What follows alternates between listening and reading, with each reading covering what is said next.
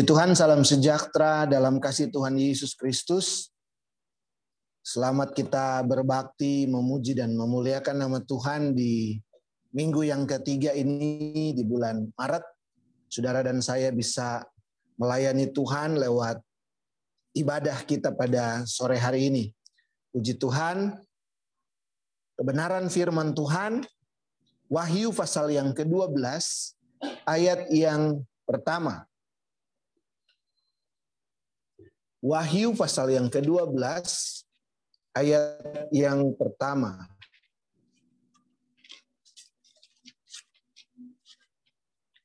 Bagian ini pada minggu yang lalu pernah saya bagikan tetapi hari ini kita akan melihat lebih detail ada satu hal yang indah. Wahyu pasal yang ke-12 ayat yang pertama. Demikian firman Tuhan,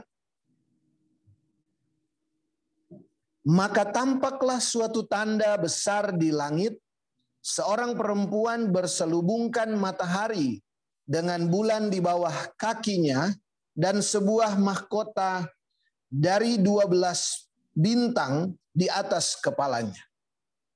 Ia sedang mengandung dan dalam keluhan dan penderitaannya hendak melahirkan. Ia berteriak kesakitan. Haleluya, puji Tuhan. Wahyu pasal 12 ayat 1 dan ayat yang kedua.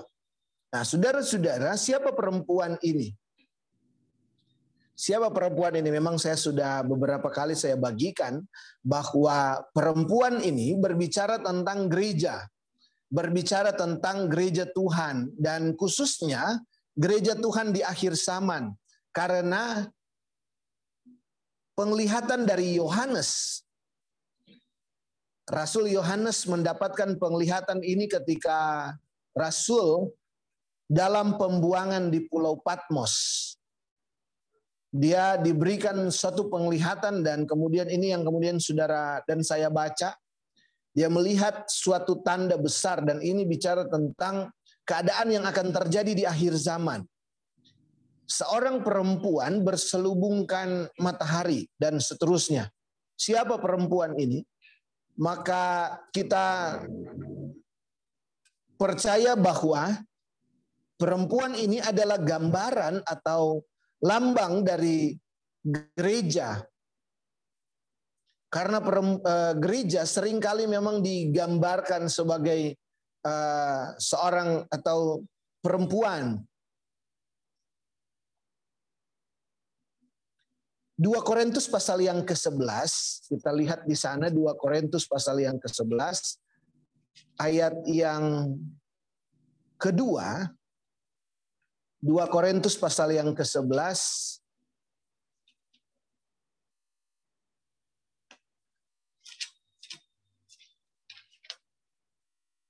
2 Korintus pasal 11 ayat yang kedua demikian firman Tuhan Sebab aku cemburu kepada kamu dengan cemburu ilahi. Ini perkataan Paulus kepada jemaat yang ada di Korintus. Aku cemburu kepada kamu dengan cemburu ilahi karena aku telah mempertunangkan kamu kepada satu laki-laki untuk membawa kamu sebagai perawan suci kepada Kristus. Nah, ini bahasa dari Rasul Paulus tentang dia berbicara kepada jemaat yang ada di Korintus. Rasul Paulus katakan dalam bahasa hiasan, Aku cemburu kepada kamu dengan cemburu ilahi karena aku telah mempertunangkan kamu. Kamu siapa?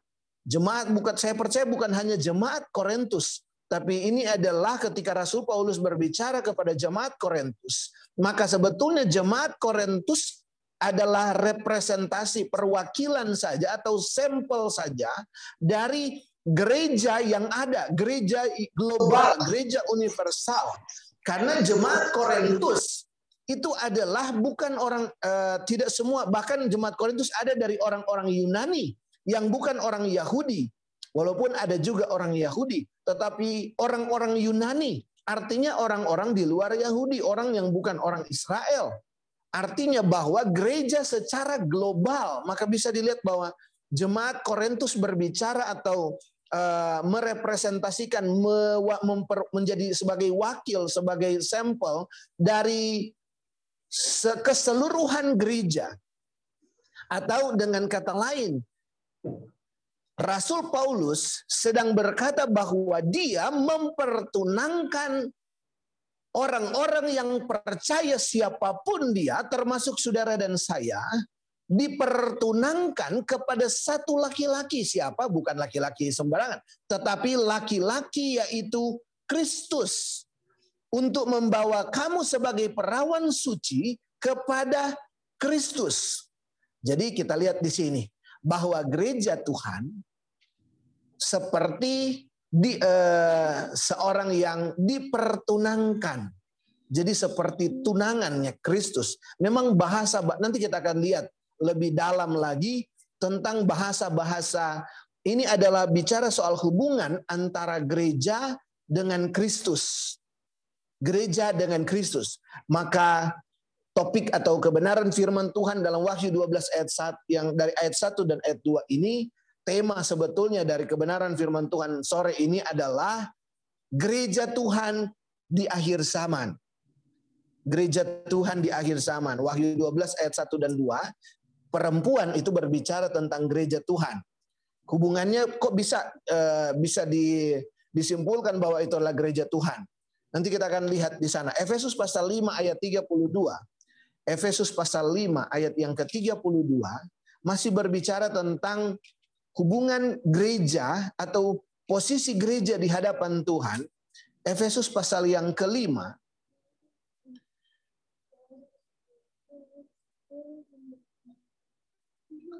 Uh, ayat mulai dari ayat yang ke-22 sampai ayat yang ke-33 firman Tuhan diberi judul oleh Lembaga Alkitab Indonesia kasih Kristus adalah dasar hidup suami istri.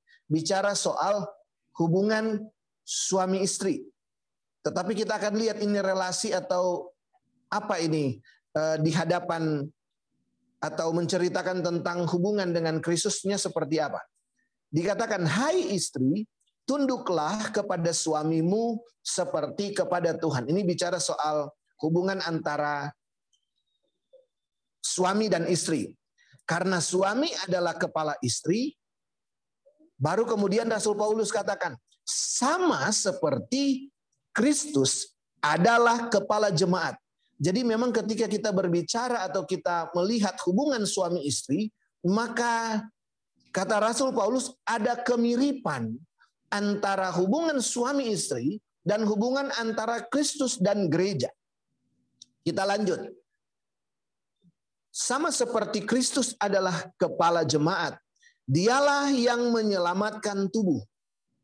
Karena itu, sebagaimana jemaat tunduk kepada Kristus, demikian jugalah istri kepada suami dalam segala sesuatu. Ya, kita lihat masih terus disamakan antara tunduknya jemaat kepada Kristus dengan tunduknya istri kepada suami. Ayat 25. Hai suami, kasihilah istrimu sebagaimana Kristus telah mengasihi jemaat. Haleluya. Dan telah menyerahkan dirinya baginya. Jadi ini ya, saudara lihat ada hubungan yang erat harusnya antara Kristus dengan jemaat. Seperti suami dengan istri. Ayat 26, untuk menguduskannya. Sesudah ia menyucikannya dengan memandikannya dengan air dan firman. Supaya dengan demikian ia menempatkan jemaat di hadapan dirinya dengan cemerlang tanpa cacat atau kerut atau yang serupa itu, tetapi supaya jemaat kudus dan tidak bercela.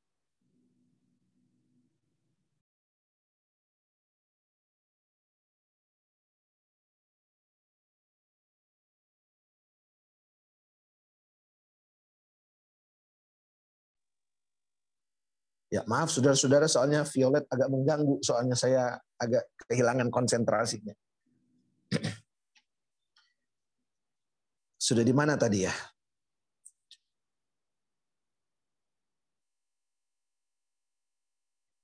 Ayat yang ke-20 berapa ya tadi? Ayat 27 ya.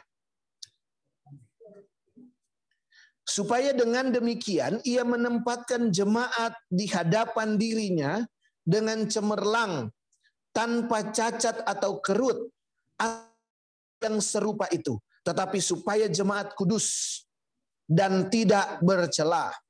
Demikian juga suami harus mengasihi istrinya sama seperti tubuhnya sendiri. Siapa yang mengasihi istrinya, mengasihi dirinya sendiri.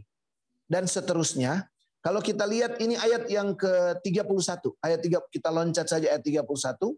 Sebab itu lelaki laki-laki akan meninggalkan ayahnya dan ibunya dan bersatu dengan istrinya sehingga keduanya itu menjadi satu daging. Ya. Ayat 32. Maksud saya ayat 32. Rahasia ini besar, tetapi yang aku maksudkan ialah hubungan Kristus dan jemaat. Rasul Paulus katakan rahasia ini besar, tetapi yang aku maksudkan ialah hubungan Kristus dan jemaat.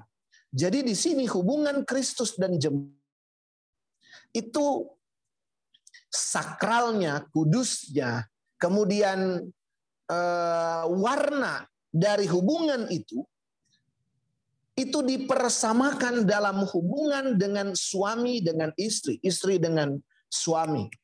Jadi sekali lagi, hubungan antara kita dengan Tuhan, hubungannya begitu erat, bagaikan hubungan antara suami dengan istri.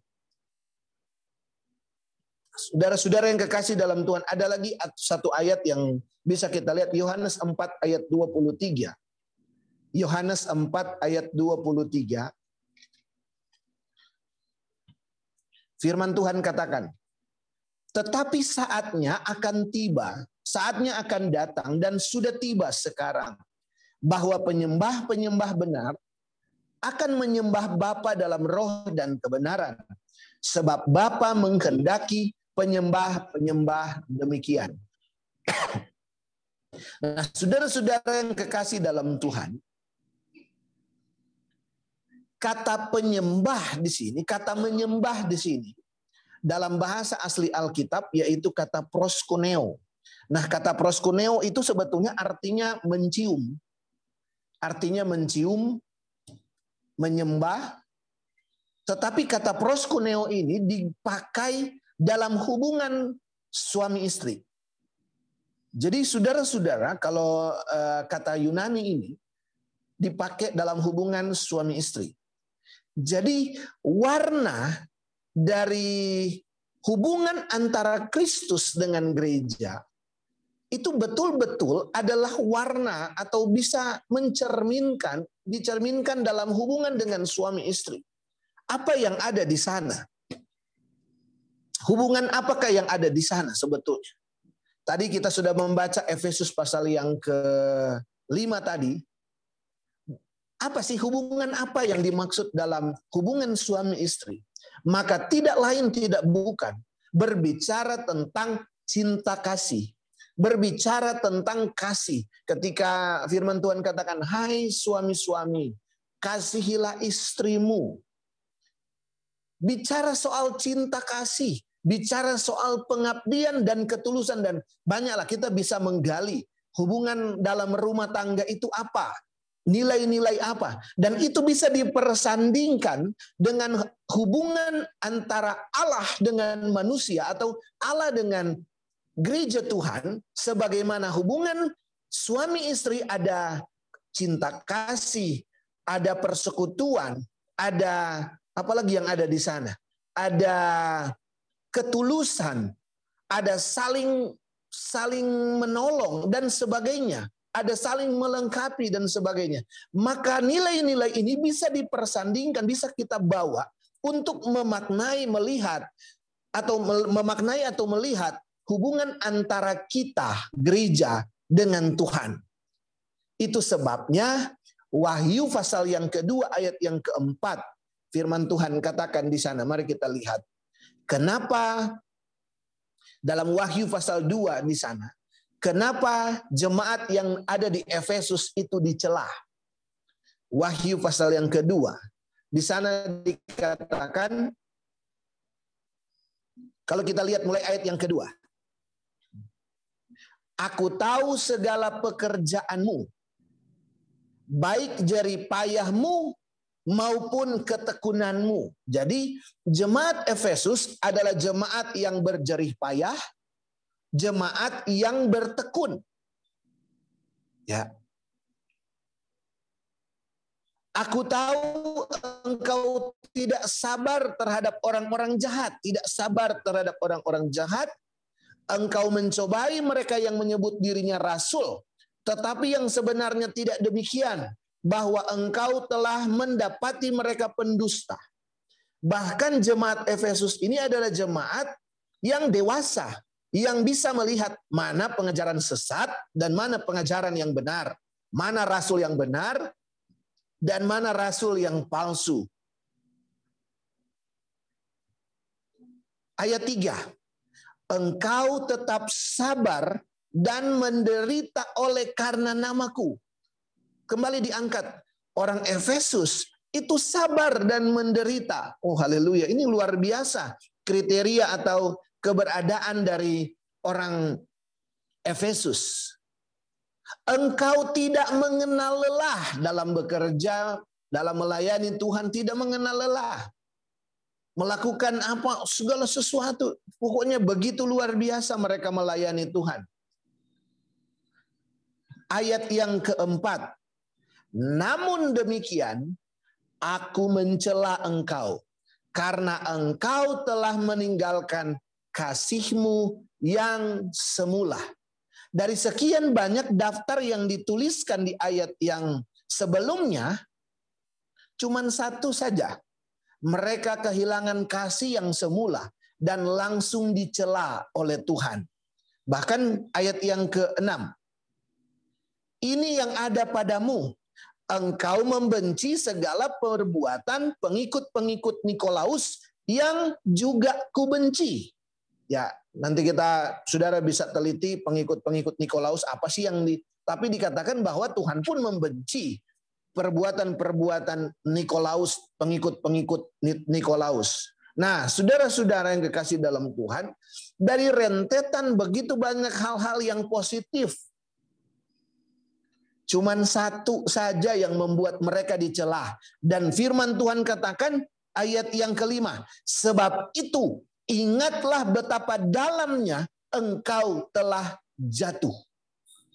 Cuman satu loh, dari dari begitu banyak nilai-nilai positif yang ada dalam diri orang-orang Efesus, cuma satu yang ketinggalan, cuma satu yang hilang, yang disebut dengan kasih. Dan kasihnya kasih yang semula. Tapi firman Tuhan katakan, Tuhan berkata, engkau telah jatuh. Engkau betapa dalamnya engkau telah jatuh. Kenapa? Sekali lagi, karena hubungan antara Kristus dengan jemaat itu adalah hubungan cinta kasih. Apakah saudara mengasihi Tuhan atau tidak? Apakah kita mengasihi Tuhan atau tidak? Bukan soal apa, kita mengasihi Tuhan dengan apa. Bahwa Yesus berkata, kasihilah Tuhan alamu dengan segenap hatimu, dengan segenap jiwamu, dengan segenap akal budimu, dengan segenap kekuatanmu. Yesus nggak bilang banyak-banyak. Cuma satu dari sepuluh hukum Allah bicara tentang hubungan antara Tuhan dengan manusia empat hukum pertama. Jangan ada padamu Allah lain di hadapanku, jangan membuat bagimu patung, jangan menyebut nama Tuhan dengan sembarangan, ingatlah dan kuduskanlah hari sabat. Yesus cuma bilang satu saja. Kasihilah Tuhan Allahmu. Artinya, hubungan antara jemaat dengan Kristus adalah hubungan antara atau hubungan yang didasarkan atas cinta, didasarkan atas kasih. Masihkah kita mengasihi Tuhan? Masihkah saudara dan saya mencintai Tuhan, mengasihi Tuhan? Kalau tidak, berarti dalam kita jatuh. Nah, saudara-saudara yang kekasih dalam Tuhan. Jadi, kembali kepada Wahyu pasal yang ke-12 ayat yang pertama. Wahyu pasal yang ke-12 ayat yang pertama. Tadi kita sudah lihat, saya sudah membagikan kepada saudara tentang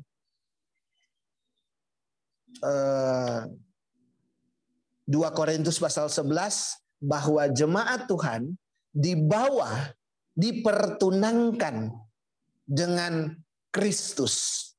Nah, sekarang Wahyu pasal yang ke-12 maka tampaklah suatu tanda besar di langit.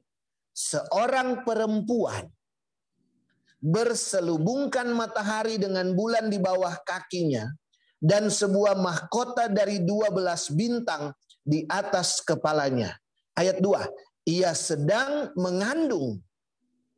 Berarti yang tadinya dipertunangkan, yang tadinya dipertunangkan, sekarang sudah mengandung. Artinya sudah melewati satu proses tahapan yang yang tidak disinggung di bagian ini, yaitu pernikahan. Saya percaya saudara dan saya sudah pernah membaca bagian dalam firman Allah tentang pernikahan anak domba. Maka pernikahan anak domba itu sudah dilewati proses prosesnya sudah dilewati sampai kepada Wahyu pasal 12 ini. Jadi mulai dari kita sekarang sekarang saudara dan saya dipertunangkan dengan Kristus. Menjadi uh, dipertunangkan dengan Kristus. Tetapi uh, kitab Wahyu nanti pada nanti ada berikutnya nanti kita akan masuk ke sana pada waktu-waktu mendatang akan ada yang namanya pernikahan anak domba metrai yang ketujuh. Sesudah pernikahan anak domba, maka Wahyu pasal 12 inilah terjadi. Tetapi saya percaya saudara-saudara, kita tidak bicara soal kawin dan mengawinkan seperti di dunia, seperti di bumi sekarang ini. Tetapi ada hal-hal yang ini adalah gambaran-gambaran. Nanti ke depan uh, jika ada waktu nanti saya akan bagikan secara pelan-pelan untuk saudara. Nah, tapi yang jelas di sini bahwa sudah terjadi pernikahan anak domba dan kemudian gereja seorang sebagai seorang perempuan itu berselubungkan matahari dengan bulan di bawah kakinya dan sebuah mahkota dari dua belas bintang di kepalanya. Ia sedang mengandung. Apa ini? Nanti di, di kali yang mendatang kita akan bicara tentang ini. Tetapi di sini dikatakan perempuan ini berselubungkan matahari dengan bulan di bawah kakinya dan sebuah mahkota dari 12 bintang di atas kepalanya. Haleluya. Berselubungkan matahari, bulan di bawah kaki, mahkota dari 12 bintang. Apa ini? Saya melihat ini adalah pesona dari gereja di akhir zaman. Pesona dari perempuan ini. Pesona dari gereja di akhir zaman. Mazmur 104 ayat yang pertama, Mazmur 104 ayat yang pertama firman Tuhan katakan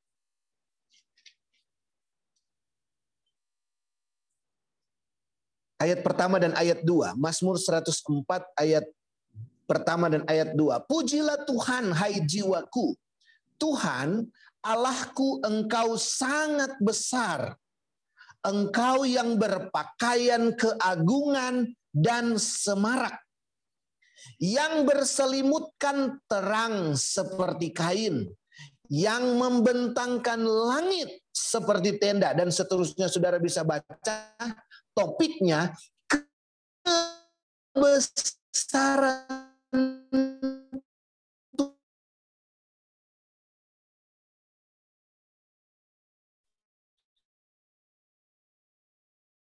dalam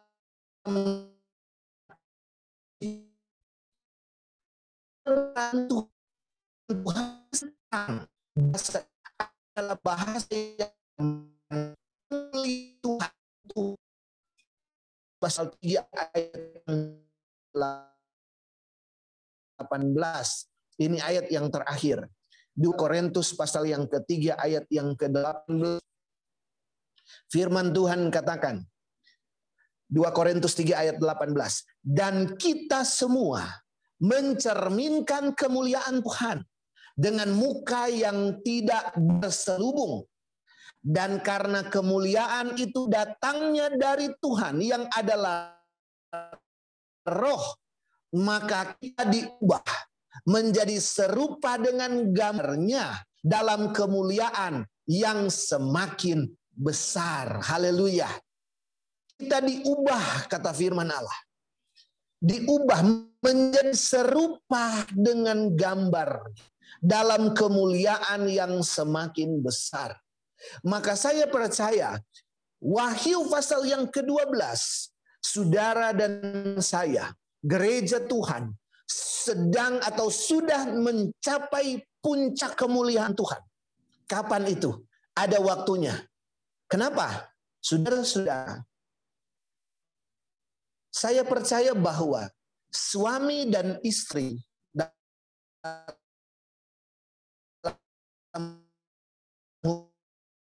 ada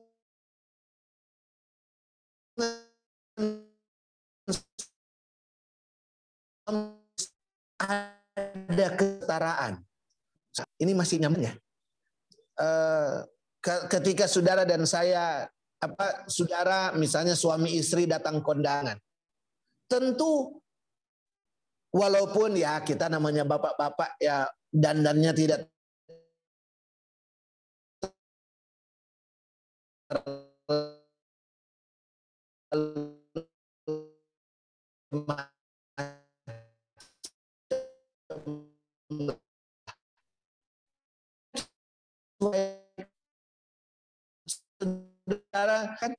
kalau Natalan sama lah biar cuman sama